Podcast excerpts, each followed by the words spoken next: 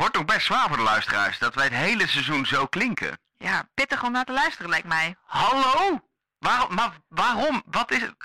Ik hoor het zelf ook. Waarom is dit zo? Ja, omdat het seizoen er ook zo uitziet. Zeg maar, ik heb het zo de audioversie van 4 pixels heb ik geprobeerd te, te na te maken. Hallo, ik ben Mark. Hoe is het met jou? Ik rijd nu een tunnel in, dat Nou, idee. eh. ik- voor mijn gevoel rijd ik al een minuut in een tunnel nu.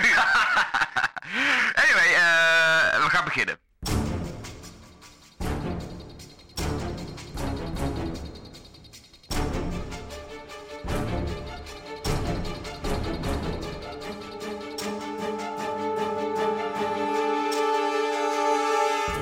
Hallo en welkom in gewoon normale kwaliteit hoor. Bij het eh, vierde seizoen van Trust Nobody.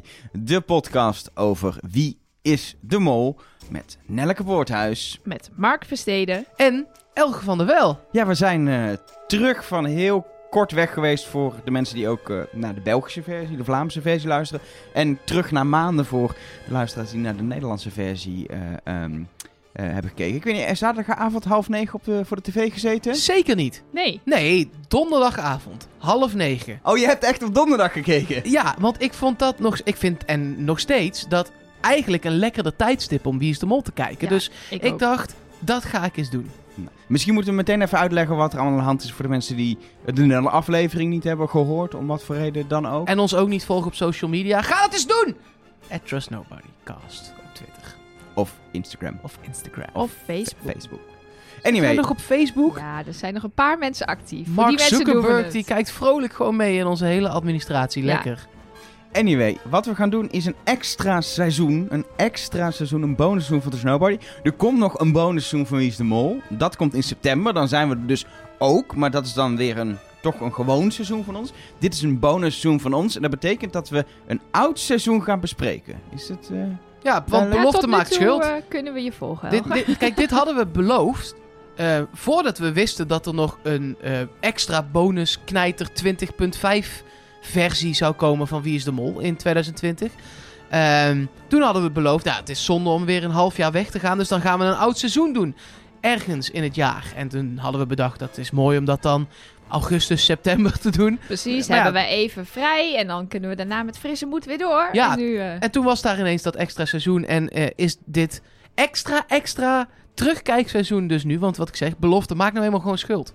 En wat misschien goed is om te vertellen, eh, eh, het Belgische seizoen hebben wij helemaal op afstand opgenomen. Tenminste, Nelke en ik wel bij elkaar, want wij... Hebben ja, wij- jullie een relatie? Ja, wij wonen Nou. in één huis. wij zijn een gezin. Wij zijn Jullie zijn officieel een gezin. een huishouden. eh, oh ja, dat is het. Ja, een richtlijnen. huishouden. Ehm, dus eh, wij zaten bij elkaar en dan jij eh, zagen we, we zagen jou op een videoscherm en dan klonk het wel alsof we bij elkaar zaten. Dat is de wonderen van techniek. Maar nu klinkt het ook omdat we alsof we bij elkaar zitten, omdat we dat ook doen. Enige is dat er een soort, ja, Ja, er zit, er zat al een scherm tussen op afstand, maar nu zit er ook een scherm ja tussen. dat is voor de, een spatscherm. Dus je kun je gewoon heel hard tegenaan hoesten. nee, niet doen, Mark. Oh. Dat is geen grapje. Jij zei dat het kan. Ja, het, theorie. Oh, moet je Theorie er wel bij zeggen. In theorie kun je er tegenaan hoesten. Ik zal het niet doen. Wil jij even die glasseks daar pakken, ook meteen om het even te ontsmetten Ja. weer? Doe ik. Dat moet je niet met glasex doen. Niet? Nee, daar zit toch helemaal geen antibacterieel spul in? Nou, het, zo ruikt het wel. Ja, dat is waar. ik weet het niet, ik gebruik dat het nooit. terzijde. Eh, we gaan het hebben over Wie is de Mol. Eh, over, en dat eh, kon je als luisteraar bepalen, ehm, seizoen 8 of seizoen 11 eh, of seizoen 13. En nu heb ik onze luisteraars hoog zitten. Maar ik snap niet dat er niet massaal is gekozen voor seizoen 13. Fantastisch seizoen was dat. Stond in zeer hoge kwaliteit online. Maar nee, de luisteraars hebben liever een knetteroud seizoen. Wat bestaat uit 4 pixels op NPO Start plus drie keer in de ronde. Eh, waarvan ik de mol ook al weet. Ja, Ja, maar maar- dat weet jij toch ook van al die andere seizoenen? Ja, dat is waar, maar ik dacht, ik zoek nog wat meer argumenten. Nee, jongens, jullie hebben massaal gestemd op seizoen 8 in Mexico. Eh, ja, dat was 54% van de stemmen, dus dat was een overgrote meerderheid. Ja, en wat, het, eh, wat leuk is, is als je eigenlijk gewoon, eh, als je het zo al hebt gezien, met ons meekijkt. Dus je, kijkt een aflevering en je luistert. Je mag ook luisteren zonder te kijken, maar dan, dan weet je misschien niet alle details meer. En heb je dat hele seizoen nog niet gezien, eh, dan gaat Mark nu vertellen wie de mol is. Eh, ja, nou, maar, ja, want ik ga dan eerst het seizoen kijken. Want wij gaan niet doen alsof we niet weten wie de mol is. We gaan het dus gewoon zeggen. Ik ga het nu dus ook zeggen. Dennis is de mol. Wat? Ja. Niet Joris. Ja, oh, nee, die had ik niet echt Joris. niet verdacht hoor. Nou ja, goed. Nee, dit gaan we dus niet doen. We gaan dus niet net doen of we het niet weten. Nee, dus eh, eh, als je niet gestopt bent om te gaan kijken eh, het hele seizoen, dan weet je nu wie de mol is. Er zijn allemaal mensen die zaten te kijken en dachten, is Edo de mol? Nee, jij bent niet de mol, Elger. Was een leuk grapje, Ja, dat toch? was Ja, was leuk. Was een in, inside grapje voor de echte kijkers. Komen we nog wel op terug Voor de bij echte eh, kijkers. aflevering Voor de echte, eh, voor de veel, diehard. zes of zeven of zo.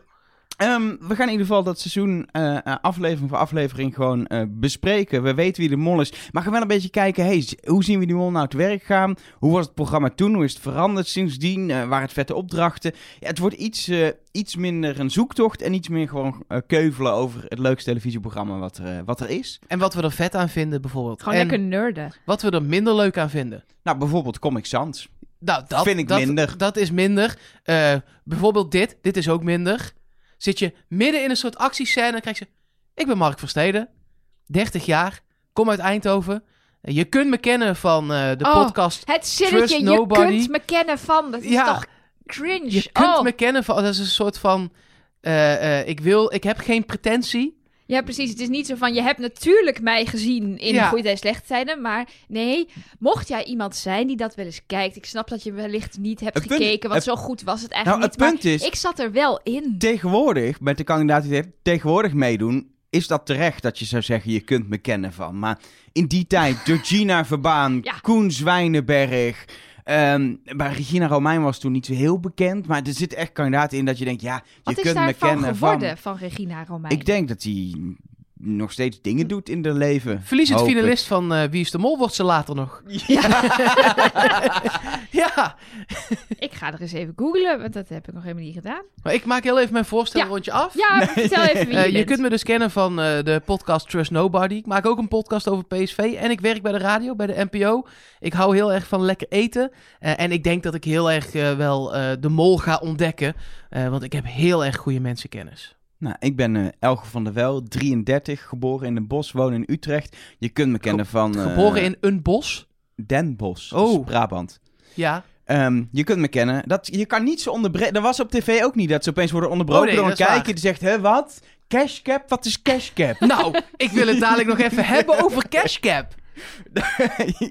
Toch een iconisch tv-programma Ja. wat verloren is gegaan. Ja, Eh, maar eh, ik ben dus elk van wel eh, in dagelijks leven host van Trust Nobody. Maar ik maak nog meer podcasts. Onder andere de Telekids Generatie. Hartstikke leuke podcast. Ga dat luisteren, mensen.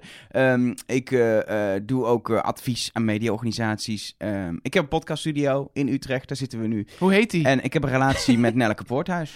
Zonder kinderen. Niet getrouwd. En geen rijbewijs. En geen rijbewijs. Moet je er altijd even bij vertellen. Daarover gesproken. Ze, ze, ze, ze rijden gewoon in dit seizoen nog zelf in de auto. Ja. Niet zo'n busje, maar gewoon twee auto's zelf rijden. Zodat we dat in België eigenlijk nog steeds zien bij de mol. Vond ik heerlijk. Ik denk, doe dat weer terug. Ja, maar dat zijn leuke momenten. Dat, dat is fijn om naar te kijken. Dat gebeurde ook van. Nou goed, Eh, ik moet mezelf eerst even voorstellen natuurlijk. Ik ben Nelleke Poorthuis, ik ben 34. Ik ben geboren in Enschede en ik woon in Utrecht samen met Elge van der Wel. Je kunt me kennen van de podcast Trust Nobody, waarbij ik eh, het aluhoedje meisje ben.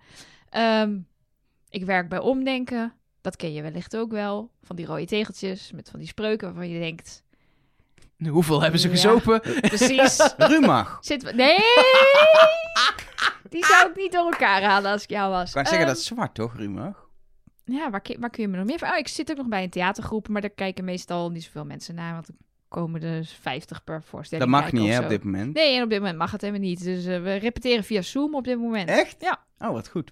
Anyway, dit is... Dit, Wa- waarom zeg je... Je bent daarbij. Ik zit elke woensdagavond zit ik op de bank. Jij ik- denkt nooit als zij op de bank zit en de, dan weer een bakker speelt en dan weer een piloot, denk jij nooit... Wat zit ze te Nou, doen? ze zit vooral nou heel veel wijn te drinken de hele tijd. Ja, dat klopt. We zijn een stuk aan het repeteren. Dat heet Wijn. Het gaat over een wijnproeverij.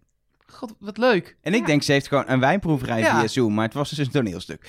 In ieder geval, dit is hoe de aflevering eh, eh, begon. Met dit minuten soort lang. voorsteldingen dat je denkt, holy fuck. Maar ook niet dat je het subtiel door de aflevering heen Nee, eh, het doet. waren ze ook meteen alle tien achter elkaar. Wat voor mijn aantekeningen maken dan weer lekker was. Een soort van, nou, dat hebben we gehad en door. Maar voor eh, ja, het kijkgenot eh Maar- leed er wel een beetje Maar sowieso, we zijn gewend natuurlijk van Wie is de Mol dat altijd wel een leuke, lekkere twist in de seizoensopening zit. En dit was, we stellen mensen voor, Pieter Jan komt in nou de meest goedkope auto die ze Nee, konden vinden in Mexico. Nee, dat, was, nee, aanrijden. dat vond ik tof. Die rode Vette bak. auto was vette bak. Ja, vond ik ook. Nou, in ieder geval, je Pieter hebt Jan, geen rijbewijs, je hebt er geen verstand van.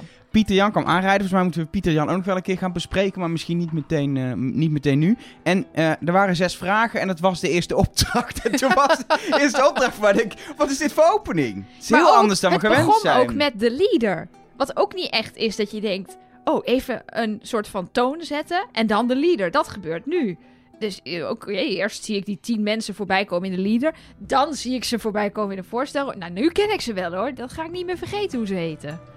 Oké. Ik zie jullie o- trouwens echt bladeren ook. Jullie hebben ook Ja. daadwerkelijk dingen in een boekje opgeschreven. Ja. Ja. dan weet ik waar we over moeten eh, eh, Zeker. eh, praten. Bijvoorbeeld, ehm, ik heb voor zes van jullie een vraag. Elk goed antwoord levert dan 50 euro op in de pot. Want dat was de eerste opdracht die gespeeld werd. En het was wel, weet je, vroeger die oude seizoenen waren de opdrachten nog wat ingewikkelder. Want toen keken er ook minder mensen, was het minder een familieprogramma. Dus dit is ook echt, dat merk je meteen, echt moeilijke, ingewikkelde opdracht voor de kijker. Zes Ja, dat vragen, 250 euro per vraag. Moest je, En echt ze goed dan- opletten. Maar je moet ze goed beantwoorden. Ja, En dan krijg je geld. en twee stappen Wow. naar voren doen, zodat je niet kan kijken. Ah, ja. Maar Mhm. ik heb dus niks. Ik heb geen boekje.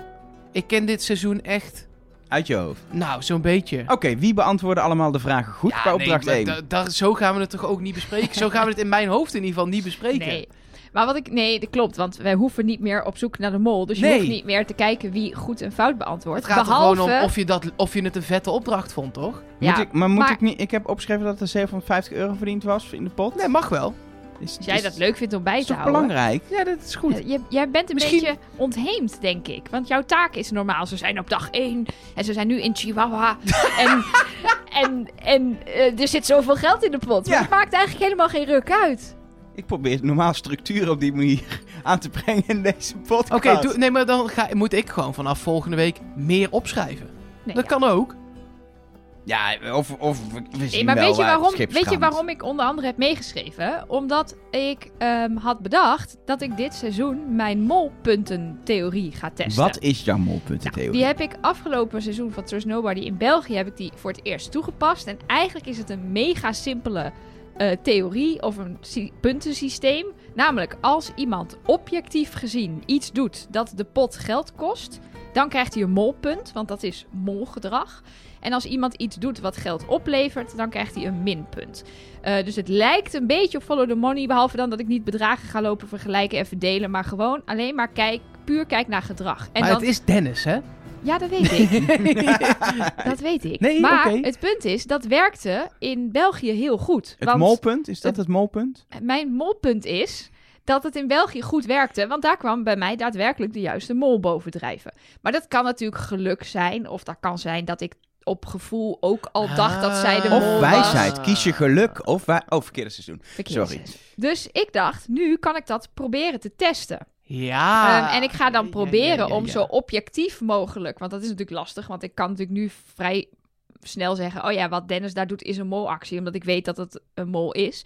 Dus ik heb bijvoorbeeld opgeschreven wie beantwoordt een, een vraag goed. Ja, die krijgt een minpunt, want dat levert geld op. En wie beantwoordt een vraag fout? Ja, die krijgt een pluspunt, want dat kost geld. De- dus heel snel, Koen, Annette, Regina hebben bij jou een, een, een minpunt. Eh, die zijn niet verdacht. Ja. En verdacht zijn eh, Edo, Georgina en Dennis. Ja, hey, Dennis. precies. Een, een vraagfout. Dus ik zal, aan het, ik zal niet elke keer elke molactie bespreken. Maar aan het einde van het bespreken van de aflevering zal ik even de, de, de stand opmaken. En dan ben ik heel benieuwd of dus uiteindelijk eh, Dennis uit de bus rolt als de meest verdachte ja, kandidaat. jij wil dit gewoon testen. Ja. Dat is wel slim. Ja. Dat is wel slim. Hey, maar verder deze opdracht was natuurlijk een soort van... We hebben eigenlijk geen tijd voor uitgebreide dingen, want er moeten drie opdrachten in aflevering 1, maar ook een voorstelding. Dus we doen even heel snel iets met zes vragen. Zo voelde het een beetje. Maar sowieso had ik het gevoel dat er minder structuur in zat. Want ik, ik, ik was echt met het opschrijven dat ik dacht... moet ik nu opdracht 1 opschrijven? Is dit opdracht 1? Of is dit een soort... Die vragen, is het een soort opmaat?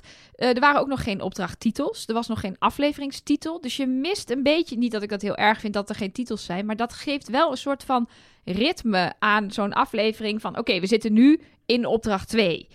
Ik denk dus dat, dit, dat deze er een beetje bijgehaald is. Ehm, en dat heeft te maken met eh, bij die tweede opdracht. Eh, daar komt ook wel wat eh, geld eh, binnen. Maar daarvan wist je wel... Oké, Dennis gaat zijn best doen op de fiets. Dus dat, misschien dat daar niet het volledige bedrag binnenkomt. Of misschien wel helemaal niks. Ehm, en dan heb je een probleem bij die jokeropdracht. Want dat inleveren moet geld kosten. Ah, Dus er als er niks meer- uit de pot kan- Ja, dus er moet, moest Er geld in moest pot. in. Dat Het was gevoel had natuurlijk ik. Het was natuurlijk ook, die opdracht met die vragen was gewoon vlak voordat ze tequila gingen drinken. Ja, Dus dat was niet een nieuwe dag of een nieuwe opnameset of zo. 20 was minuten gewoon- later. Precies, dus dat, dat Maar vond ik ook al raar. Daardoor kreeg die hele aflevering bij mij een beetje het gevoel van... eh, in mijn herinnering zit een super vet seizoen. En dan begint het met... Ja, die, dat voorstel wat lang duurt, een paar vragen. Dat tequila-ding is wel heel iconisch voor die eerste aflevering. Eh, dat herinner ik me ook echt. Maar het was een beetje... Al met al dacht ik, waar is, waar is, waarom was dit seizoen zo vet als dit het is? ja, maar Oh. dit is het nog niet. Nee, Nee, dat is het ding. Ja. Nou ja, en ik vind hier ook al wel... v- Voor mijn gevoel, en dat, dat eh, kan eh, eh, helemaal niet kloppen hoor... want dat is nergens verder op gebaseerd dan mijn gevoel... was dit het eerste seizoen waarin ze echt gingen proberen om ook twists toe te voegen. Ja. Ehm, bij die jokers bijvoorbeeld. Eh, Ja. eh, dat, je kunt jokers pakken, maar daarna kun je ze weer inleveren. En dat kan dan iets opleveren. Voor mijn gevoel is dat echt in dit seizoen begonnen. Want dat gaan we nog wel een paar keer zien. Ja. La- laten we heel snel verder gaan. Eh eh penningmeester kiezen vind ik niet zo boeiend. Eh, maar wat daarna gebeurt is wel heel boeiend. Dat is een onderdeel wat verdwenen is bij Wie is de Mol. Het Alle- inlevermoment. Alles moest worden ingeleverd. Telefoons, paspoorten, creditcards, toen- nieren. Toen- Alles. Donatie bij leven, alles kan gewoon in eh, Wie is de Mol. Nee, maar toen Pieter Jan zei, ja, jullie kennen de procedure, dit is de mand. Toen dacht ik even, welke procedure? En toen moest ik echt even heel diep dacht ik, oh ja, tuurlijk, de mand. De reden ook waarom wij afgelopen jaar zo verbaasd waren dat Leonie en Johan gewoon in de hotelkamer allebei op hun iPad en hun laptop lagen te lezen eh, dat zij op dat moment werden eh, verdacht als mogelijke kandidaat. Dat wij ook dachten, hè, maar wij kennen dit. Namelijk, je moet alles inleveren en je krijgt het echt niet meer terug.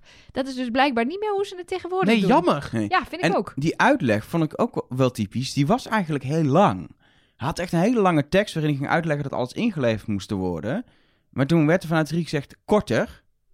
Nee, nog korter. Nog, en toen bleef mand, Mand. bleef over. Vervolgens eh, eh, eh, de tequila-opdracht. Ehm, of eigenlijk niet opdracht, de tequila-selectie noem ik hem maar. Half tequila, half water. Om op die manier te verdelen wie in welke groep komt. Ik vond dat wel echt geniaal bedacht. Ja, en wat ik een beetje was vergeten was hoe Dennis nu in de goede groep terecht was gekomen. Ehm, het kan nog steeds allebei de kanten op, maar hij mocht als eerst een eh, glaasje pakken. En hij wist misschien wel, oké, de rechterkant gaat de Kia zijn. Of in ieder geval rechtsvoor gaat de Kia zijn.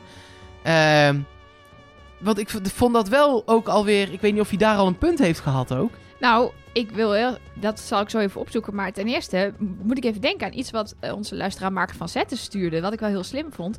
Het maakte misschien helemaal niet uit wat Dennis pakte. Maar de groep waar Dennis bij behoorde ging Die gingen fietsen. fietsen. Ja, dat was mijn tweede punt inderdaad. Ja. Dat ik dacht, of het is dat. Maar ik zou het mooier vinden als van tevoren dat al vast stond. En dat ze hem dan eerst laten kiezen. Vind ik een mooiere Ja. gedachte. Nou, ik zal heel even kijken. In mijn, in mijn molpuntenschemaatje heeft, heeft hij ten eerste een punt gekregen... omdat hij een vraag eh, fout eh, beantwoordde natuurlijk hiervoor. Eh, maar daarna heb ik geen punten uitgedeeld voor ehm, of je tequila pakt of water. Wel voor of je uiteindelijk er dan voor zorgt dat de geld binnen. Dus het is echt heel erg sec op Ja, oké, eh, het, check. geld wel of niet binnenhalen. Ja, en niemand weet ooit wat Koen Zwijnenberg daadwerkelijk zou hebben gehad natuurlijk. Nou ja, water. Ja, water. Water. Dus ze hadden het gewoon kunnen pakken. Ja, achteraf, Achteraf, gezien achteraf wel, gezien. ja. Achteraf gezien wel. Ja, Ehm, misschien wilde hij helemaal geen water Dat kan ook. Dat kan ook. Ja, hij ik wil, best, eh, ik wil best tequila, maar als er, wa- als er kans is dat het water is, dan niet. Maar dat wist ze officieel natuurlijk niet, hè, dat het, eh, dat het de verdeling was. Dat was er niet bij gezegd. Dat was Ik gewoon, vind is tequila. Alsnog knap dat je na een tequila gewoon nog heel goed kunt fietsen. Want ik pak in de kroeg wel eens een tequila. Daarna is het gewoon altijd klaar. Ja, maar dat doe ik ook wel eens. En dat doe ik dan altijd na 14 bier. Dat is Ja, dan denk ik de reden waarom het dan klaar is. na ja, dat is wel waar. shotje. Ja, ja. Ja, het is, eh, het is zo'n typische opdracht zoals we hem eh, kennen van Wie is de Mol, die vervolgens wordt eh, gespeeld. Ehm, de groep die moet fietsen, denkt dat ze het zo goed mogelijk moeten doen. Maar hoe beter zij het doen, hoe lastiger het wordt voor, eh, voor de andere groep. Ehm, het, eh, het shorts met de waterskiën, zeg maar, maar dan in andere vorm.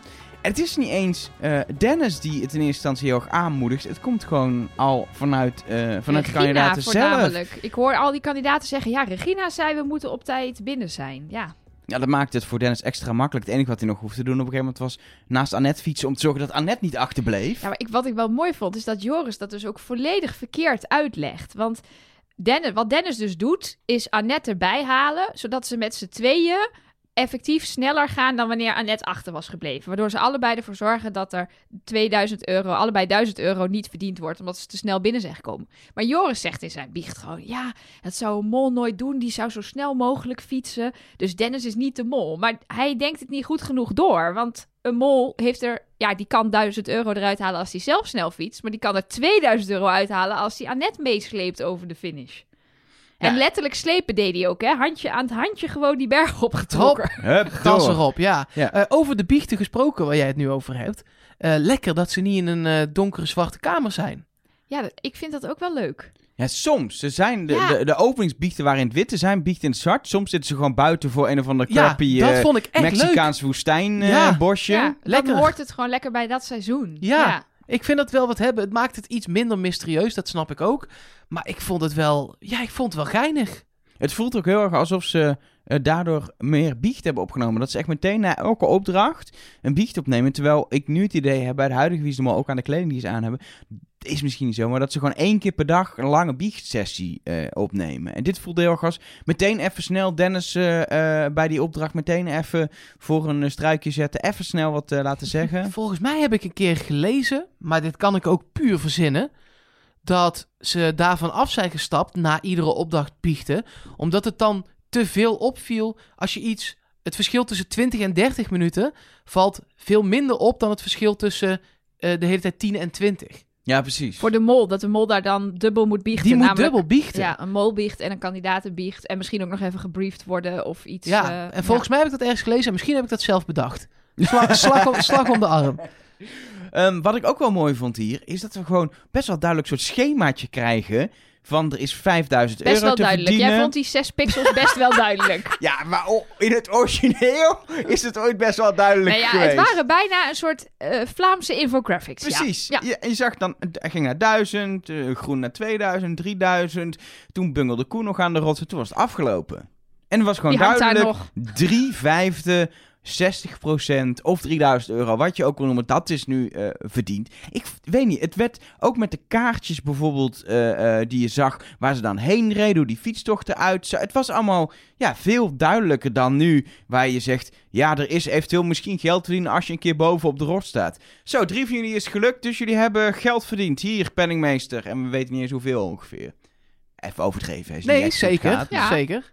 Nee, het was fijn. Ik, eh, eh, ja, je, je weet wat je wil weten. Namelijk, hoeveel is er verdiend? Hoeveel kon er verdiend worden? En eh, is het gelukt? En door wie is... En vooral ook, door wie is het wel gelukt? En door wie is het niet gelukt? Ja, eh, dat is overduidelijk inderdaad eh, in dit geval.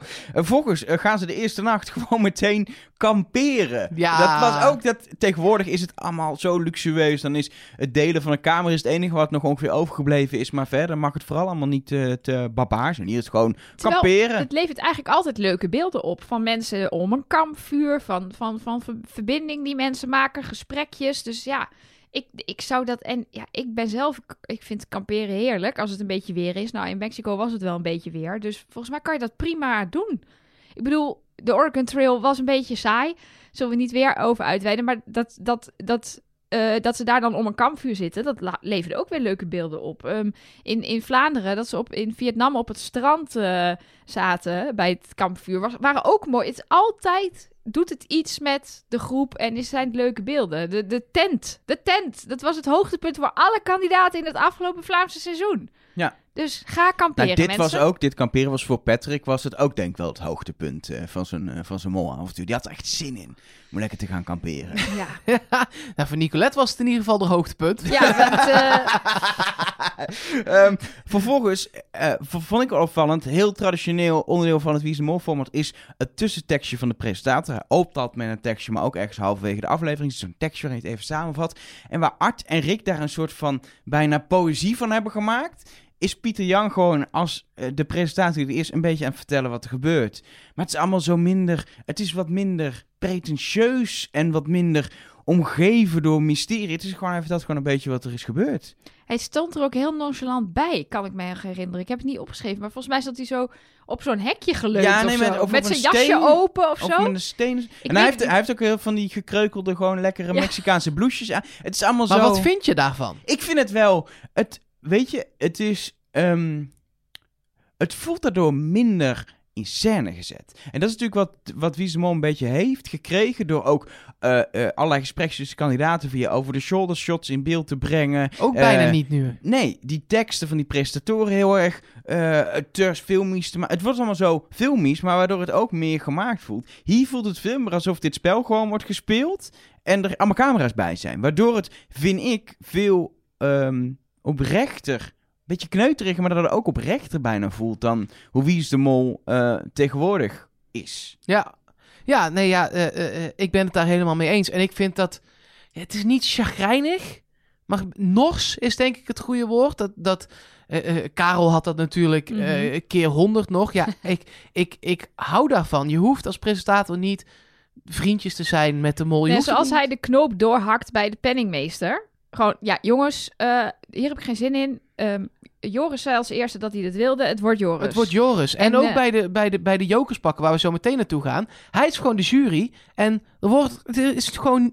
Discussie doen we gewoon niet aan. Hij kiest gewoon. Ik vind het lekker. Ja, maar ik vind wel... Ik vind de mysterie toch ook wel fijn. Dus ik, ik ben het helemaal mee eens dat... Ik vond zeker in deze aflevering, ook in de, in, in de rest van het seizoen... dat ehm, de, eh, oprecht, de, de gesprekken tussen kandidaten zijn veel meer direct na een opdracht. En dat wordt meteen gefilmd. En mensen confronteren elkaar met dingen. En ik weet van, van interviews en zo met kandidaten dat dat nu ook nog steeds gebeurt. Dat is logisch. Je hebt net de opdracht gehad. Dan zeg ik, wat de fuck Mark, wat was je aan het doen? En waarom heb je dat geld niet binnengehaald? En Elge, waarom wilde jij niet eh, dat shotje tequila? Dat is toch belachelijk? Ik kan toch wel een keertje drinken?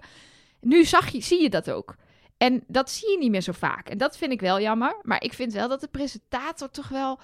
Ja, dat, dat mag wel iets, iets... Dat is een presentatietekst, dus dat hoeft ook niet zo eh, het- nonchalant. nee. Het mag voor mij wel ietsje Ik denk mysterieus. dat het de stijl is, want ik kan me herinneren dat Karel dat ook veel gedragen Ja, deed. Dat is natuurlijk gedragen. Dat. En Piet-Jan Hagens is gewoon een vrij, volgens mij een hele leuke, relaxte man wat dat betreft. En Ja. hij kan een beetje norsig zijn inderdaad, eh, of zo overkomen, maar het is niet, het is niet iemand die, die het allemaal heel zwaar gaat maken en heel gaat dragen. En eh, ik denk dat het raar zou zijn als hij dat ehm, zou hebben gedaan. ja, dat zou dan niet bij hem hebben gepast. Nee. Hetzelfde als Gilles de Koster in België dat zou doen. Dat zou ook niet, Nee. niet passen bij wie hij is. Nee, nee, nee, dat klopt.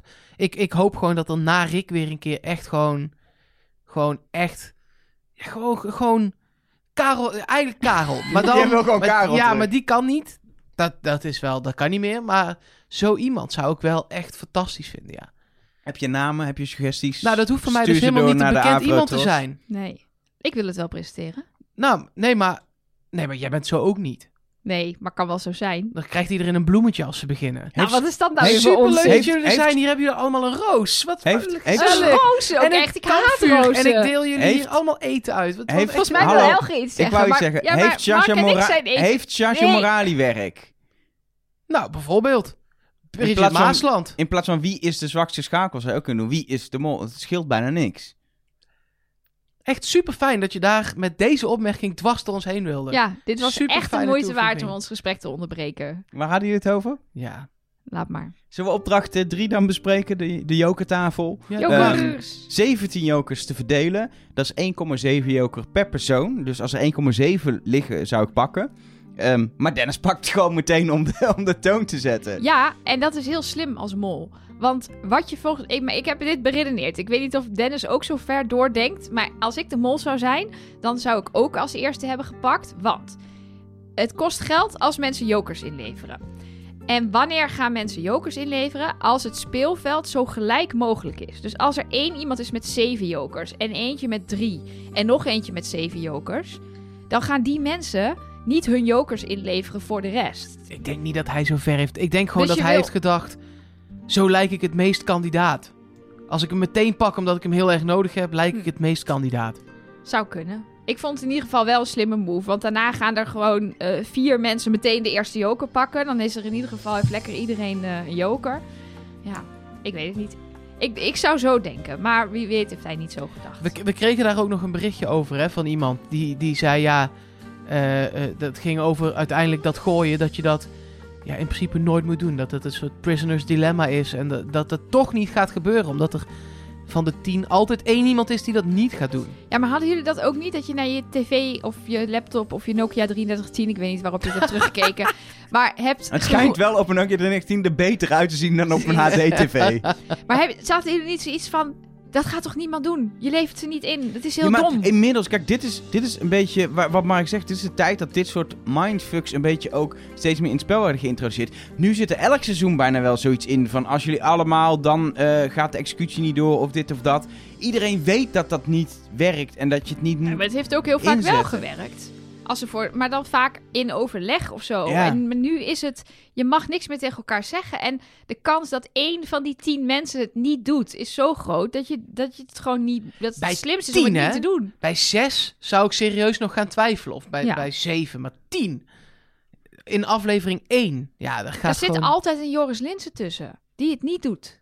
Ja, Tuurlijk. en terecht. Ja. ook. En een een- Georgina Verbaan die drie jokers heeft Ja. en ze alle drie inleveren. Maar zeker in dit seizoen, hè, want ik heb, ik heb het gevoel, nadat we nu gekeken hebben, dat het ehm, tegenwoordig, eigenlijk vanaf seizoen 14, 15, 16 enzovoort, dat het veel meer een eer is als je al mee mag doen.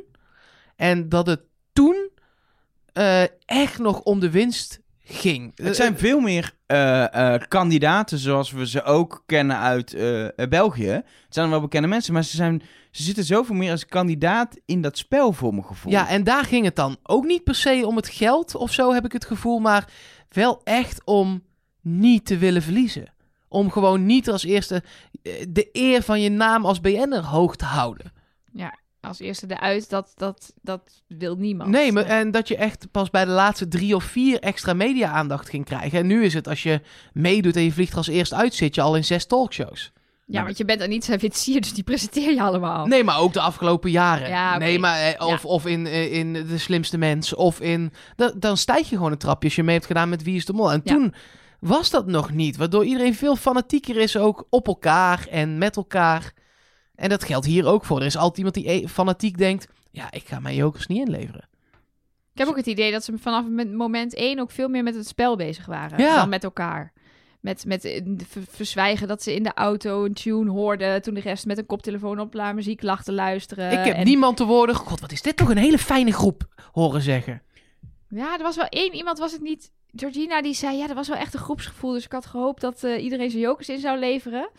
Maar Ja, daarnaast ook klaar. ja, maar de meeste mensen hebben denk ik hun joker ingeleverd... omdat ze bang waren dat ze zelf als eerste naar huis zouden gaan. Ik denk ook wel dat het deels montage is dat ze, dat ze veel meer die niet spelinhoudelijke tussendingetjes eh, niet laten zien. Het is heel, als het er al is, is het echt een paar flarden van, oh ze zetten een tent op en ze gaan slapen, weet je? Dat is echt Ja, je- 30 seconden. Er wordt natuurlijk van alles, er wordt, dat wordt besproken over het spel, maar ook inderdaad, gewoon hoe gaat het met je en, eh, wie, en dat, wie ben je eigenlijk en eh, bonding, maar dat zit er dan helemaal Ja, niet in. we- de afleveringen duren maar 50 minuten, tegenwoordig een uur. We krijgen volgens mij precies de 50 minuten spel te zien en de 10 minuten mooie shots en eh, eh, keuveldingetjes die we tegenwoordig in, in Wie is de Mol zien, die zitten er niet in. Die, hebben, die zijn letterlijk Ja, gesneuveld op de, de beauty montage. shots. Ja, op Want de ik mon- vind wel dat er mooie shots zitten. Ik vind die woestijn fantastisch. Dat Ja. hij aankomt rijden in die auto. ja, maar niet de beauty overgangsshotjes met eh, terugspoelende wolken en zo. Die Ja. we nu, nu, nu zien natuurlijk. En drones bestonden dat- nog niet. Ja, maar was dat technisch wel mogelijk om dat mooi te filmen Tuurlijk. toen? Ja, ik Ja. heb niet zo mooi als nu. Nee, het was dat nog snap geen. dit is. Kijk, we kijken nu in 3 pixels. Maar het was gewoon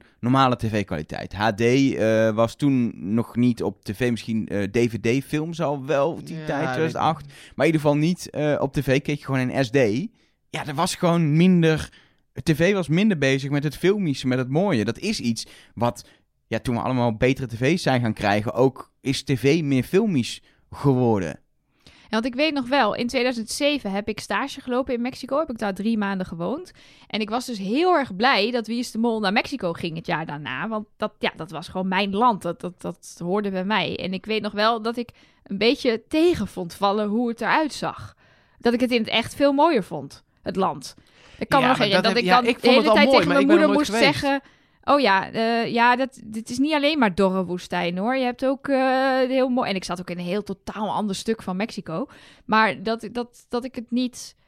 Ja, dat ik het wel zonde vond dat ze niet het mooiste van Mexico liet zien. Maar misschien wordt het nog mooier. Het wordt nog mooier. Ze zijn de, eh, begonnen in aflevering 1 en ook aflevering 2 echt gewoon ja, een beetje in de Mexicaanse woestijn, natuur. Om echt wel die sfeer van Mexico neer te zetten die daar is. Maar ze gaan natuurlijk nog mooie oude dorpjes in later in het seizoen. Eh eh, cruiseboten ze gaan ook in Mexico aan te me- eh, meren. Schijnen ze ook Ze nog heen nog te naar gaan. Mexico-stad. Mexico. Dus er gebe- gaat nog genoeg volgens mij gebeuren. Ehm, volgens mij moeten we nog één onderdeel van deze aflevering Oh, bespreken. dit f- favoriet van Mark. Ja, Mark, wie verdenkt eh, wie bij de test? Eh, ja, je gaat me toch niet vertellen dat jullie dat hebben meegeschreven? Tuurlijk ja, wel. zeker. Ik ga het niet allemaal Oh opnoemen. god. Nee, maar wat ik wel even wil zeggen, is dat ik toen nog mijn eh, befaamde truc toe kon passen. Dan was ik bij mijn, bij mijn gezin thuis altijd, die was altijd erg van onder de indruk. Het werkt niet elke aflevering, maar degene die het minst duidelijk uitspreekt op wie diegene zit, die ging eruit. En dat was deze keer, was het met Nicolette heel duidelijk. Iedereen noemde expliciet namen, behalve Nicolette, die zei ik spreid op mannen en vrouwen. Nou, doei!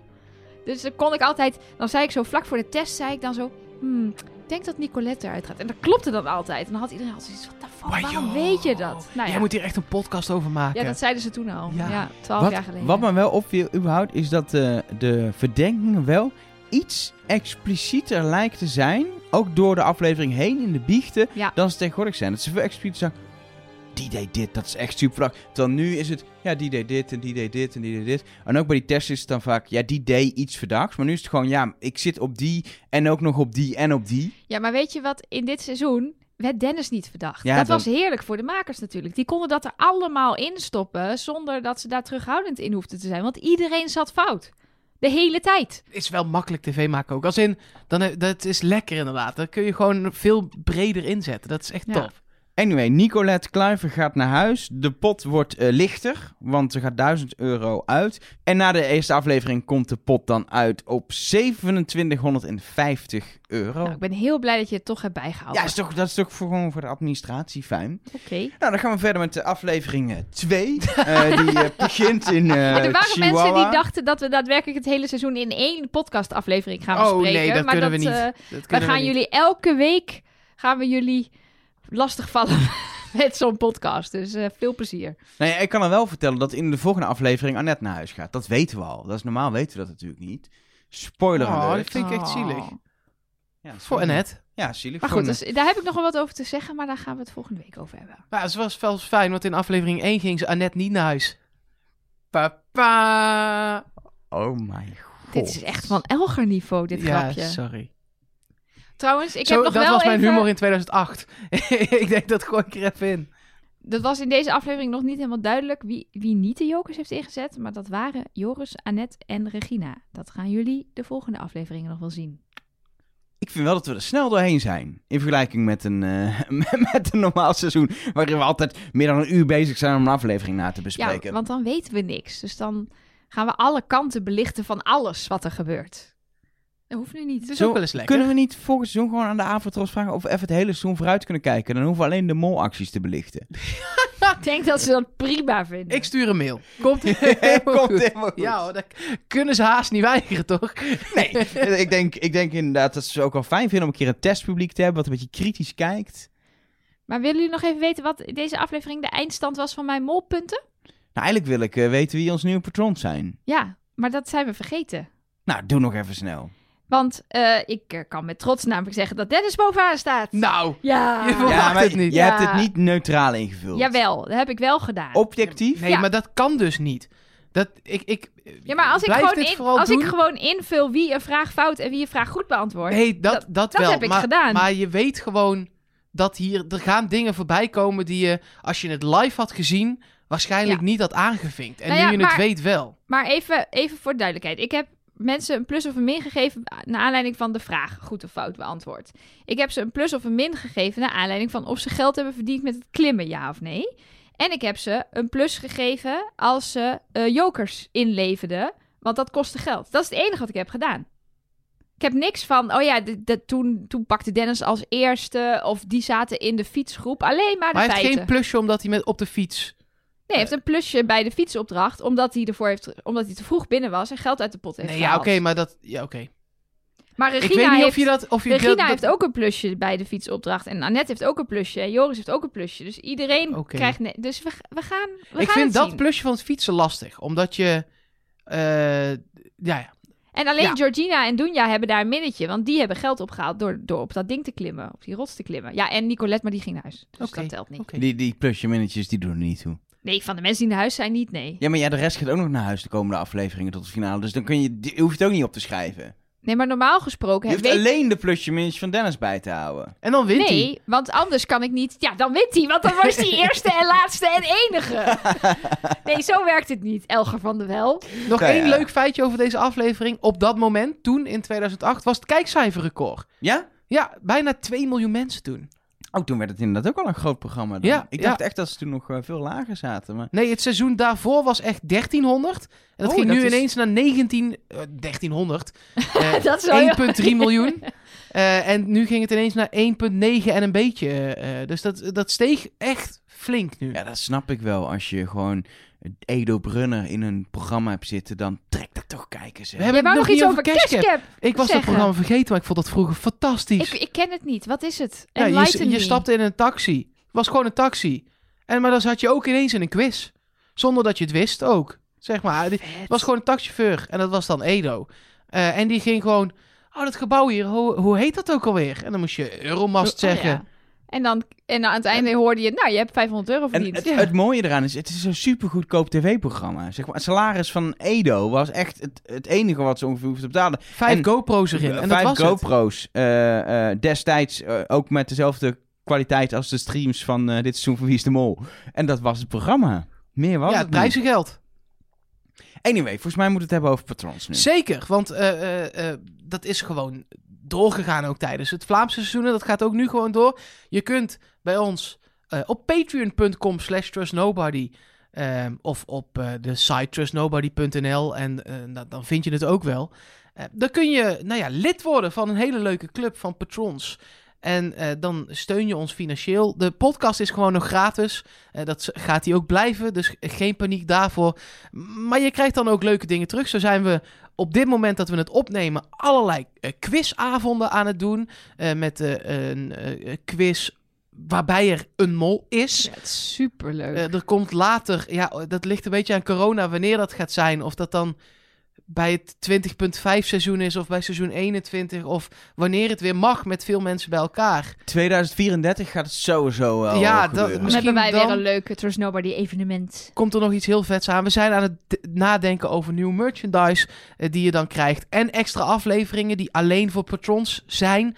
Die kun je dan ook krijgen. Die staan dan online. Eh, ook met terugwerkende kracht. Dus eh, ja, dat is alleen maar leuk. En ik hoop nog wel dat we ook één of twee mensen uit dit seizoen nog kunnen gaan spreken. Zeker. Ik Oh, denk ja, dat dat, zou we leuk toch zijn. een, een, een klein lijntje, we hebben het echt nog niet gedaan, dus we weten het echt nog niet. Maar een klein lijntje moeten uitgooien naar de mol van dit seizoen, lijkt me. En het Pieter Jan Hagens vind ik ook erg Oh, leuk. ja, dat lijkt me leuk. Dat lijkt me Maar leuk. degene, die- dat is, dit is gewoon puur hardop Ja, brainstormen. precies. Dit, deze mensen kennen we nog niet, hebben we nog geen telefoonnummers van, niks. Dus Niks. eh, gaan we toch eens even kijken of dat kan. Eh, en een van de dingen die je krijgt, is de- misschien wel het leukste van alles, is dat jij, Elke van der Wel, de namen van onze nieuwe patrons voorleest in nou ja, deze aflevering. Nou, laten we dat snel gaan doen. Eh, dat zijn eh, Sarah, Marloes Schouw, Ronald, Dianne, Suzanne Pijper, Martijn Simons, Erik van der Welle, Wensink, Diane. Had ik niet net ook al Diane? Nee? Oh, dat is Dianne. En, en je we hebben Diane en Dianne. Eh, Nico Binnendijk, Margot Gerritsen, Emma de Ridder, Esther Martens, Martine Ouwersloot, Evelien, Robert Kraak, Lotte, Gertjan Aalpoel, Yannick, Annelie, Irene de Kruijf, Hielke Jan Borger, Karin en Isa Angel. Maar deze mensen heb je allemaal verzonnen, toch? Nee, dit zijn echt nieuwe patrons. Echt waar. Nou, allemaal zoveel nieuwe mensen. Ja, we zijn, even, we zijn er even niet geweest. hè. We hadden even een week, een Oh week ja, pauze. maar ik wou net zeggen, hoe lang zijn we er niet geweest? Een week. Super bedankt Vet. allemaal. En jullie hebben of jullie krijgen op het moment dat jullie dit gaan luisteren... eh, post opgestuurd ook met, met daarin alle dingetjes. Superleuk. Ja, Tenminste, als je het krijgt om allemaal te schrijven. dat vind ik nog steeds ook echt leuk. Ik heb echt inmiddels voor mij een soort RSI. Ik heb al jaren niet geschreven tot ik weer kaartjes moest schrijven voor de patrons van, van Trust Nobody. Anyway, ehm, wat we ook al doen in Trust Nobody is eh, ja, de, de mailtjes eh, en, en appjes en berichtjes van eh, de luisteraars en kijkers. Waaronder ook de hotline waar je een audio-appje naartoe kan sturen. Maar eh, ja, het is, eh, k- krijgen we nu dingen binnen dat mensen zeggen... Nou, ik vind Dennis echt heel verdacht, want die deed dit. Of hoe, hoe werkt dit? Ja, nee, zeker. We krijgen inderdaad eh, gewoon eh, appjes eh, van kijkers, van hun kijkbeleving. Bijvoorbeeld van Luc. Hey, Trust Nobody. Eh, ik heb net de aflevering gekeken van Wie is de Mol 2008. En ik vind het jammer dat Nicolette eruit is. Wie de Mol is, ik heb nog geen flauw idee. Maar eh, er zijn toch wel een paar dingen wat me is opgevallen. Bijvoorbeeld eh, de mensen die snel fietsen. Vind ik vrij verdacht. En als mol zet je natuurlijk de jokers in. Want dat, is, dat gaat ook geld kosten voor de pot. Dus daar ga ik de volgende aflevering even afzitten. Maar ik zou nog niemand kunnen aanwijzen. Nou, toen kregen we meteen daarna nog een appje van Luc. Grapje, dit zijn keiharde acteerskills. Ik heb dit seizoen echt al vijf keer of meer gezien. Wauw. Ik wilde al gaan zeggen. Oh, maar dan heeft hij echt in de eerste 40, 50, hoe lang zijn we bezig, minuten van deze podcast, een bittere pil. Want het allereerste wat we verklapten was wie de mol was. Maar dit is goed zeg. Ja, ik dacht ook, nou ja, dit, eh, oké, hoe ga ik dit eh, beantwoorden? Moet ik dan, krijg ik dan straks elke week een appje van Luc met, oh, dit was wel heel verdacht. En dan moet je daar dan iets over gaan zeggen zonder, nee, maar goed. Luc, Luc, Luc, dankjewel. Nou, ehm ik moest er erg om Ja, lachen. heel erg leuk. Eh, maar we krijgen ook gewoon eh, meningen van mensen die zitten te kijken. En dan live, eff- ja, eigenlijk even gewoon hem op pauze zetten. En dan denken, dit moet ik met de hotline delen. Eh, en dat had Alissa had daar ook last van. Hey, Trust Nobody. Ik eh, ben bijna aan het einde van de eerste aflevering van Mexico. Maar ik moet toch echt even wat kwijt. Wat zag de test er verschrikkelijk lelijk uit. oh, dat is wel echt op vooruit gegaan in de jaren. Oh, verschrikkelijk. Oké, ik ga nu weer verder kijken. Ja, we hebben het over 2008, hè, mensen. Ja, Toen maar- was Comic Sans gewoon nog, was nog Nee, het lettertype. Nee, nee, Comic Sans is gemaakt voor stripverhalen. En als je een basisschool De runt... naam doet het al een beetje vermoeden. Precies, en als je een basisschool runt, dan vind ik het prima dat jij de nieuwsbrief naar de ouders in Comic Sans doet. Maar daar Nee, eindigt het. nee. Daar Zelfs eindigt dat het. is niet prima. Jawel, die mensen die kunnen daar ook niks aan Ik heb geen kinderen, omdat die basisschoolbrieven in Comic Sans zijn. En die wil ik gewoon niet. Anders had ik al lang twee kinderen gehad. Met Maar welke vrouw het was dan? Ja, dat weet ik alleen, niet. Het was niet alleen Comic Sans, hè. het was dat grijze Windows vakje. Het was dat, een rood lettertype. Dat is ook nooit een goed idee. Dat werkte ook helemaal niet. En oh, het was cringe. Ja, en dan die vragen waren ook, ook rood of geel op, op zwart. Dat je ook denkt, dit is echt, dit is de- alsof die, de test zelf, zeg maar, het invak is zo grijs. Maar of de test in Paint was gemaakt. zo zag het er echt uit. Is gewoon in Microsoft Word Paint. art. Straks krijg je die regenboogtitel. krijg je zo Maar erboven. bestond Photoshop toen al? Eh ja, wel. Photoshop bestaat echt heel lang. Alleen ik denk niet dat mensen ermee konden werken destijds. Ja. Twe- Nee, 2008 wel. Toen had je al de foto Fuck Vrijdag van Rete Cool op internet en zo. Ja. Zo, dan duik jij even een, eh, Ja, jij duikt er even een zwart een gat in. celletje in mijn brein in dat ik eh, hermetisch had afgesloten. Ehm, maar wel leuk dat mensen gewoon echt eh, meekijken en reageren. Als je een nummer van Hotline hebt en bent patron, stuur vooral audio-appjes. Ook als je nu al bij aflevering 6 bent vooruitkijken, stuur het alvast. We kunnen het alvast maar eh, binnen hebben. Precies. Ehm, ik kreeg ook nog wat berichten binnen via eh, de hotline, maar dan in tekst. En via de mail, mol@trustnobody.nl. Eh, bijvoorbeeld, eh, eh, nou ja, Mirte, die vond de hotline. Eh, die wilde ook nog heel even over dat eh, Comic Sans eh, beginnen. Of we dat hadden gezien, dat dat was gebruikt. Nou, dat hadden we gezien. Dat hadden we gezien. Dat Zeker. hadden heel veel mensen gezien. Dus ik denk de meeste, naast de wat een kutkwaliteit, is het de meeste voorkomende reactie. Maar het is toch knap dat je dus dat Comic Sans zo'n iconisch lettertype is dat bij 4 pixels je nog steeds het lettertype Ja, herkent. zeker. Eh, over, die, over die kutkwaliteit veel berichten ook van Piet. eh, van Anais, van Mark van Zetten, eh, van eh, Joella. Eh, allemaal over die slechte kwaliteit. En eh, dat is ook gewoon terecht. Eh, Suzanne, die stuurde nog een tweet. Haar was ook opgevallen dat het niet allemaal in die zwarte doos was. Eh @trustnobodycast is trouwens het Twitter en Instagram adres. Ehm, de dagboeken niet in de zwarte doos, maar gewoon einde van de dag. De een met bergen erachter, de ander ondergaande zon, de ander in het donker. waardoor je dus ook het tijdverloop kon zien. Heel grappig. En ze vroeg nog wanneer de eerste aflevering over deze serie online komt. Eh, nou, nu. Hij is online. Welkom in de aflevering. Elke maandagochtend dat je het leuk vindt. om zes uur. Ik heb, ik heb nog wel één ding over die beeldkwaliteit. Ik zit dus te denken, in, in eh, beeld en geluid in Hilversum, waar we ook een evenement hebben gedaan. Dat is niet alleen een hele leuke evenementenlocatie en een museum, maar daar liggen ook alle archieven van de publieke omroep. En daar ligt dus gewoon op waarschijnlijk iets tapes of digitale tape, geen idee. Digitale tape. Ja, iets, eh, een schijf. Ergens in dat Ja, archief... Jos, ik heb hier nog een digitale tape eh, liggen. oh, Wat, ik zoek eh, eigenlijk dubbelzijdig, maar kom maar door met die digitale tape. Ja, op elk vlakje staat .mp4. Wat moet ik daarmee? Kan ik daar wat mee? Hoe werkt dat? Gewoon plakken. Kan ik dat plakken? Oké, nou plak ik het toch aan elkaar. Ja, in plaats van dat je een converter ergens tussen stopt, pak je gewoon een Een wat? mp4-tape. Een converter, als je twee dingen die niet aan elkaar kunnen, aan elkaar wil maken, dan heb je toch een, een verloopstukje, een Oh, een. Ja. Laat maar, het was een heel leuk grapje over MP4 en convert. Nou, ehm, eh, Jij, vond alleen, jij bent echt de enige die dit een heel leuk grapje Ja, vond, nou, denk dat is prima. Waarschijnlijk ik- nog twee afgestudeerde video-editors ook. ik wou in ieder geval een punt maken. In beeld en geluid ligt dit seizoen, zeg maar, in de tv-kwaliteit van destijds. Dat is niet zo goed als het nu op tv is, maar wel, eh, als je ook seizoen 1 nu op, eh, op NPO Start kijkt, dan is het ook oké kwaliteit. Dus ik vind eigenlijk dat we gewoon eh, een kleine oproep moeten doen aan ieder die luistert. Bel, mail, fax de Avro Tros en smeek even om dit even in goede kwaliteit uit beeld en geluid te halen. Dat kan volgens mij gewoon. En als denk ik genoeg mensen erom vragen, dan doen ze dat misschien wel. Wat is de Avrotros op Twitter? Het Avrotros, denk ik. Ja, daar ga ik vanuit. Ja, het Avrotros. Dus Nou. stuur even eh, naar het Avrotros. Of bel ze inderdaad even gewoon de receptie. Eh, dat Dat is we... echt leuk voor de receptionisten. Ja, maar ja, eh, hoe, hoe sneller ze het dan fatsoenlijk online zetten, hoe sneller ze er vanaf zijn. Precies, we gaan gewoon een actie starten. Wij willen dit seizoen in goede kwaliteit online. Ik wil graag alle seizoenen in goede kwaliteit online. Nou, laten we hier beginnen. Oké, Ja. we beginnen... Ik merk dat we klein beginnen. We beginnen klein. Nee, oké. Ehm, en dan eh, zijn we aangekomen bij het alihoedjesblokje.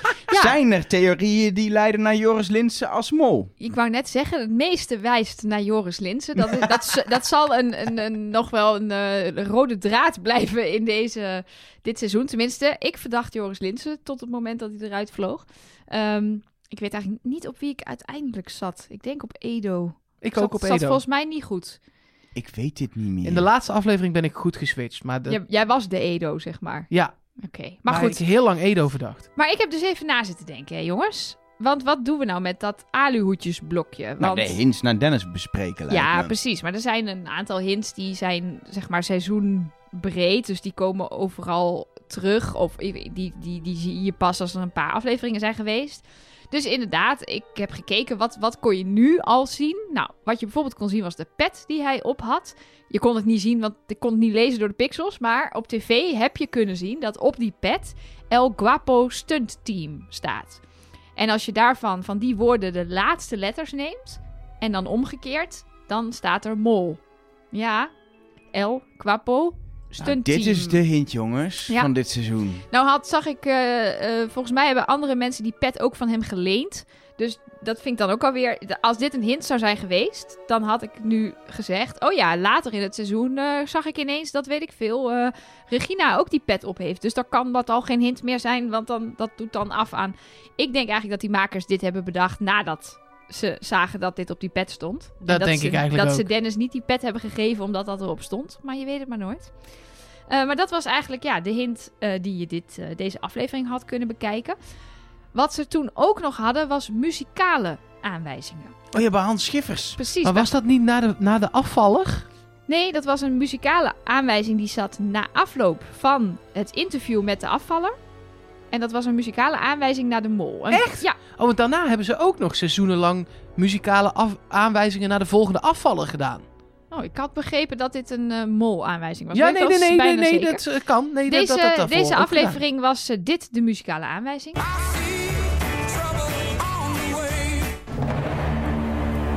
Nou, dit is een fragment eh, uit Bad Moon Rising van Creedence Clearwater Revival.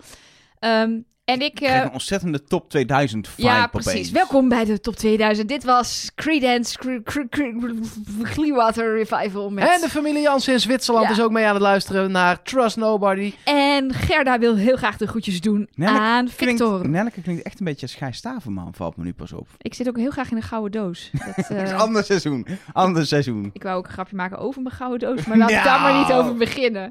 Dadelijk moeten we dit nog gaan R-raten. Ja, precies. Mijn, maar mijn punt is dat, ik, dat dit de laatste keer is dat ik het ga hebben over de muzikale aanwijzingen. Ehm, omdat ze nooit echt heel goed zijn uitgelegd. Wat ze nou allemaal precies betekenen. En dit is een beetje van het niveau van de afleveringstitels. Je kan ze op, op 30 manieren uitleggen. Je kan ze zelfs naar de mol op drie verschillende manieren uitleggen. Ik heb echt nog in de krochten van het wieisdemol.com forum zitten speuren. Daar vond ik ook eh, zeer gefrustreerde fans toen de tijd die zoiets hadden van... Ja, maar was, was dit het? En die ook riepen, ik, ik let nooit meer op die muzikale aanwijzing, ik ben er klaar mee. Wat volgens mij namelijk hier de aanwijzing was, is dat later in het seizoen gaan we iets krijgen met het Maya-sterrenbeeld van Dennis. Dat is iets met een maan. En dit was dan Bad Moon Rising. En daar heeft het dan volgens mij iets mee te maken, maar ik weet het niet zeker. Pas. Mochten er nou mensen luisteren die zeggen, nou, maar ik heb dat heel goed bijgehouden en ik weet per aflevering exact de uitleg van de muzikale aanwijzing, stuur het ons op. Dan eh, ga ik nog eens overwegen of ik het daar eh, nog over wil hebben. Ehm, maar ehm, ik vind het niet zulke boeiende, boeiende dingen. Ik ook niet. Ik heb nog wel wat anders leuks bedacht Vertel. voor het aluhoedjesblokje. Want ik dacht, het aluhoedje verwijst natuurlijk naar het aluminiumhoedje dat mensen die geloven in complottheorieën nog wel eens op willen zetten tegen de straling van de overheid die je dom wil houden. Dacht ik, misschien is het leuk om gewoon even elke aflevering een bekend, com- bekende complottheorie aan te halen. Gewoon even kort erin te duiken. Wat geloven mensen zoals ik nou? Maar als je dit gaat doen, Ja. Nelleke, dan zijn wij over tien afleveringen, zitten wij tegenover iemand die het allemaal gelooft. Want als je daarin gaat duiken... Nou, daar kan ik je vertellen. Ja, als je ergens in gaat duiken, je blijft lezen over alle aanwijzingen Ik heb die er Ik bijvoorbeeld- zijn. zit hier helemaal in, hè? Ja, ik ben helemaal game hiervoor. Ja, ik heb dus ooit helemaal die Paul McCartney is dood complottheorie gevolgd, bijvoorbeeld. Ik ben er echt van overtuigd inmiddels dat Paul McCartney dood is. Er zijn zoveel aanwijzingen naar de dood van Paul McCartney dat ik denk, ja, Ik dat heb kan niet anders. eh, eh, 9-11, Shooting Pim Fortuyn, Elvis Presley. Ja, eh, echt? ja, ik- eh, kom maar door. Maar Illuminati. echt, geloof jij het ook allemaal? Illuminati, de nee, hele bende. jij gelooft het niet. Nou, ik, ik geloof niet dat het allemaal klopt, maar ik geloof best dat er veel meer is dan. eh, Ja, echt? ja. Maar ik dacht wel, we moeten de eerste aflevering natuurlijk beginnen met Roland Fernhout. die was de mol. Precies, want hier hebben we vorige aflevering heel veel grapjes over gemaakt. En we krijgen nog steeds, logischerwijs, vragen van mensen die zeggen... Ik snap het niet zo goed. Waar Maar hebben even, jullie het nou is over? 9-11 is een inside Ja. job en Roland Fernand was eigenlijk de mol. Is Ja, dat maar- hetzelfde niveau? Ja, maar wij, wij zijn een Wie is de Wol podcast. Toch? Ja, maar er zijn geen mensen die zeg maar niet gaan vaccineren omdat Roland Fernand de mol was, hè? Nee, gelukkig niet. Mensen moeten gewoon vaccineren. Ik ga daar niet aan beginnen. Nee, daar gaan we niet aan Nee, beginnen. dat gaan we nee, niet doen. we gaan dat niet doen. Nee, Roland Fernhout was De mol. de mol in 2005, seizoen 5. Dat was het eerste seizoen met Ja, onbekende wacht even. Je Nederlanders. zegt het nu heel stellig, maar dit Nee, is de. Dit is de, de theorie. theorie. Ja, de theorie is... eh, hij ging in aflevering 3 ziek naar huis. Had een dubbele virusinfectie. eh, wat volgens mij voornamelijk op zijn darmen sloeg. Dus diarree. En hij was oud gegaan. Hij was echt ziek, ziek, ziek, ziek, ziek. En hij moest naar huis. En dat was helemaal geen enkel probleem. Ze hebben toen de Gijs Staverman die aflevering teruggebracht in een gouden doos. En eh, eh, hij was niet de mol, want Yvonne Jaspers was dat ja- jaar de mol. Maar, zegt men, dat is dus niet waar. Want eigenlijk was Roland Fernhout de mol. En hebben ze dus in totale paniek en chaos ter plekke een nieuwe mol aan moeten wijzen. Maar het ding bij eh, conspiracy theories eh, is natuurlijk wel dat er aanwijzingen voor moeten zijn. Precies. En die zijn er ook wel. ehm, ja, oh. Tenminste, ja, kijk, dat is, dit is dus het hele probleem. Je kan dingen natuurlijk altijd van verschillende kanten bekijken. Dus ja, wat is een aanwijzing, wat niet? Ten eerste gaan de geruchten dat er mensen zijn die daarbij betrokken waren, die zeggen dat het zo is. Daar is het denk ik ook allemaal een beetje mee begonnen. Mensen die daar toen bij waren, die een, die een functie hadden in het productieteam van Wie is de Mol, die dit wellicht aan vrienden hebben verteld of aan andere mensen. Ehm, en toen zijn natuurlijk mensen gaan terugkijken. En wat je bijvoorbeeld ziet, wat ik wel een hele duidelijke aanwijzing vind, is dat de molbiechten van Yvonne Jaspers voor de eerste afleveringen in voice-over zijn. En pas vanaf het moment dat de wisseling zou zijn geweest, zit zij daadwerkelijk daar te molbiechten. Dus dat zou betekenen dat ze die voice-overs achteraf heeft kunnen opnemen over gewoon een actie die zij als domme actie die zij als kandidaat heeft gedaan, dat ze daar dan plotseling een molactie van zou kunnen maken. Ehm, het, het begon sowieso allemaal een beetje raar dat seizoen, want ze begonnen aflevering 3 met nog negen kandidaten. Want toen was dus alleen Roeland ziek naar huis. De eerste aflevering viel er niemand af. De tweede aflevering ehm, hebben ze dus... Viel Gijs Gijs Staverman af? af. Maar die kwam dus in aflevering drie weer terug. En toen ging Roeland naar huis. Dus, dus pas heel ver in het spel waren ze nog steeds met heel veel mensen. Ja, en wat ook een beetje voor verwarring zorgt... en ik heb het niet teruggekeken, dus ik weet niet meer precies hoe het nou zat... maar er was iets met hulpmollen. Dus eigenlijk het moment waarvan men verdenkt dat Roeland naar huis ging... zat er een opdracht met hulpmollen. Die werden zogenaamd benaderd door de mol. Of eh, eh, zij de mol wilde helpen in de volgende opdracht. En dat schijnt dan een soort... Ja, een soort noodgreep te zijn geweest, maar ook een soort halve auditie. Dat ze een paar mensen dus hebben gepolst van... zou jij eventueel, dit is er aan de hand... zou jij eventueel de nieuwe mol willen zijn? Er zijn ook wel mensen dat seizoen die achteraf zeggen... ja, dit was een puinhoop en ik wil het er niet meer over hebben. Die verschijnen ook niet meer in de media. Die willen ook niet meer het hebben, zoals Victoria Koblenko... over wat er dit seizoen allemaal is gebeurd. Dus er gaat, het, wordt, het, het is omhuld door veel rookgordijnen. En het is inmiddels 15 jaar geleden. Dus eh, wat mij betreft mogen ze het wel een keertje opbiechten dat het zo is. Het, zou, het zou toch ook helemaal niet zo erg zijn? Nou, toen de tijd wel, want het was het eerste seizoen met eh, bekende Nederlanders. Ehm, en het zou het laatste seizoen zijn. Dus ik denk dat dat. Het zou nu niet erg zijn om te zeggen dat is toen gebeurd. maar ze maar konden zeker- dat toen niet. Nee, nee, nee. Open- maar ik bedoel meer als ze dat nu opbiechten van jongens, we hebben toen, dat, dat hadden we eigenlijk niet moeten doen, want er is gewoon maar één mol en dat zouden we nu nooit meer doen. Maar we zaten toen zo in paniek en het was pas 2005 en we wisten het nog niet zo goed. En we moesten, het moest nog ver- eh, verlengd worden, ons contract. En we wilden dat heel graag en anders we niks deden, werd het sowieso niet. Dus we moesten wel. Ja, ik zou daar s- eh, compassie mee hebben. Ja, ik ook. Ik, ik kan me ook voorstellen, zelfs nu, dat als je mol helemaal in het begin ziek wordt of er iets mee gebeurt, dat, dat dit dan nog kan. Zo, ik heb ook, dan- als, als dat in de eerste twee afleveringen gebeurt, daar is de mol vaak toch nog niet. Ja, maar dan moet je het wel eerlijk en open spelen, vind ik. Dan is het gewoon, eh, ja, de mol is naar huis, we hebben een nieuwe mol gekozen. Alles is gereset vanaf nu. Ja, precies, op die manier. Ja. ja, want dat is ook nog een aanwijzing. Gijs Staverman schijnt eruit te zijn gegaan met Yvonne als hoofdverdachte. Hoe kan dat? Je kan niet er in aflevering 2 uitgaan als jij een hoofdverdachte hebt die daadwerkelijk de mol is. Want de rest zat echt niet allemaal nog beter op Yvonne. En Yvonne werd ook meer verdacht in het begin dan aan het einde. Dus toen ze eenmaal de mol was, volgens deze theorie, werd ze ineens minder verdacht. Want deed ze natuurlijk ook minder opvallende verdachte dingen. Want daarvoor was ze dus een soort afleidingskandidaat. maar goed, het is, eh, het is nog nooit officieel bevestigd. Dus ja, Het is het mysterie van Hilversum. Ik vind het een mooi alihoedjes ja eh, mocht er ergens nog een eh, man in de regia's ons nog wat meer informatie toe willen spelen, dan... ik heb een parkeergarage achter mijn huis. Nou, we kunnen gewoon Roland ik heb een bellen. parkeerplek op het Mediapark. Oh ja, Daar kun je gewoon- ook, Kun je gewoon heen wandelen. Ja, precies. Ik denk wel dat dit een mooi moment is om deze eerste aflevering van het seizoen, het Nobody, eh, af te ronden. Ja, is een beetje gek, want normaal zijn we eh, zo twee uur bezig of zo. Eh, ja, het is, het is een wat korter, want we hoeven, niet, we hoeven ook niet eh, alles helemaal kapot te analyseren zoals we normaal eh, doen. Ehm, en ja, we hoeven ook geen rondje te doen. Dat is natuurlijk een beetje, het einde is een beetje awkward. Normaal is het einde is het rondje. Ik kan het vragen, Mark. Wie denk je dat het is, de mol van seizoen 8? Nou, laat ik het dan zo behandelen zoals ik het toen dacht. Ehm, en ik denk dat ik... Ik ben in aflevering 3 of 4 op Edo gegaan. En ik denk dat ik nu nog wel ook op Joris zat. Ik denk Joris inderdaad. Ja, ik ook Joris, ja. Nou, dan zijn we eruit, dus Joris. Dat kan Dit gaan- haast niet anders. Dit gaan we niet iedere aflevering zo doen. Nu moeten we even, voor het einde moeten we even nadenken hoe we dat mooi iedere aflevering af gaan ronden.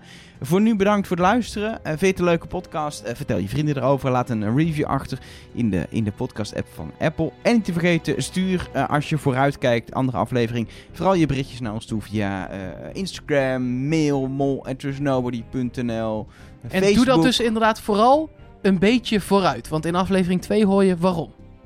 Teaser. Nou, tot de volgende.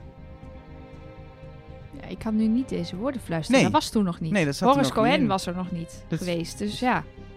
Het is gewoon klaar nu. Dat vind ik ook gek. Ja, dat doe Nee. Zal ik het toch maar doen dan? Dat was toen... Het zat er echt niet, ik miste het ook echt Ja. aan het eind van de tune. Ik denk, hè, maar waar... Waar is Nelleke? Misschien moet jij? je... eh, Wat moet ik fluisteren? ja, goede vraag.